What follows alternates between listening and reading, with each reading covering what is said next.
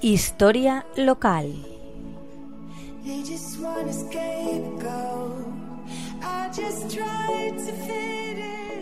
Buenas tardes, amigas y amigos de la Tegua Radio. El pasado viernes día 24 se celebró en el auditorio Antonio J. Ballester de la Casa de la Cultura la sexta edición del concurso de relatos de la Tegua Radio. Después de dos años de celebración online, por fin volvíamos a vernos las caras y celebrarlo conjuntamente con el público. El concurso trata de reconocer el trabajo realizado por muchas personas de edades diversas que nos han hecho llegar sus relatos.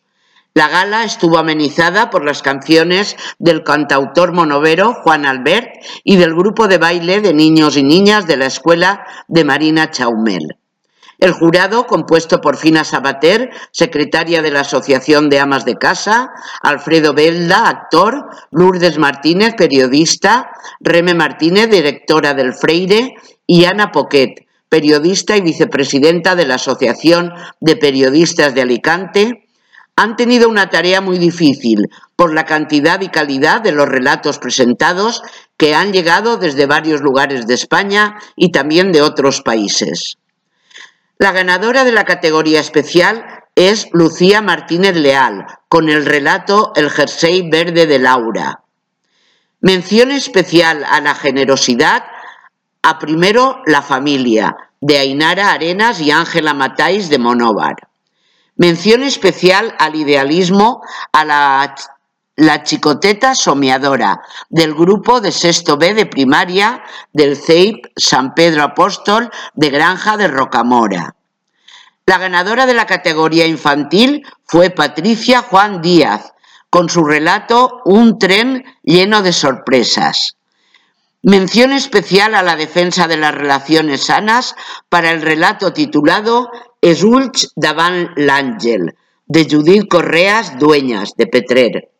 Mención especial a las referencias locales para Arancha, Lucía, Itana, Miguel y Celia, autores y autor del relato Un hostal a Monover. Los ganadores de la categoría juvenil son Gema, Ángel, Martina, Blanca y Ainhoa, autores y autor del relato Amor de Hospital. Mención especial del ambiente radiofónico para baja frecuencia de Zoraida Macias, Pardo de Ondara.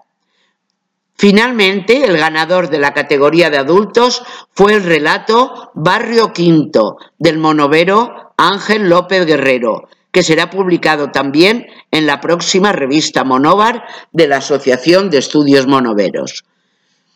Un año más se ha conseguido organizar este concurso con el soporte de numerosos patrocinadores, la ayuda de todo el equipo de la Tegua Radio y con una participación muy estimable. Esperemos que disfrutéis escuchando los relatos que se irán colgando en la Tegua Radio en los próximos días. Hasta la semana que viene, un saludo muy cordial.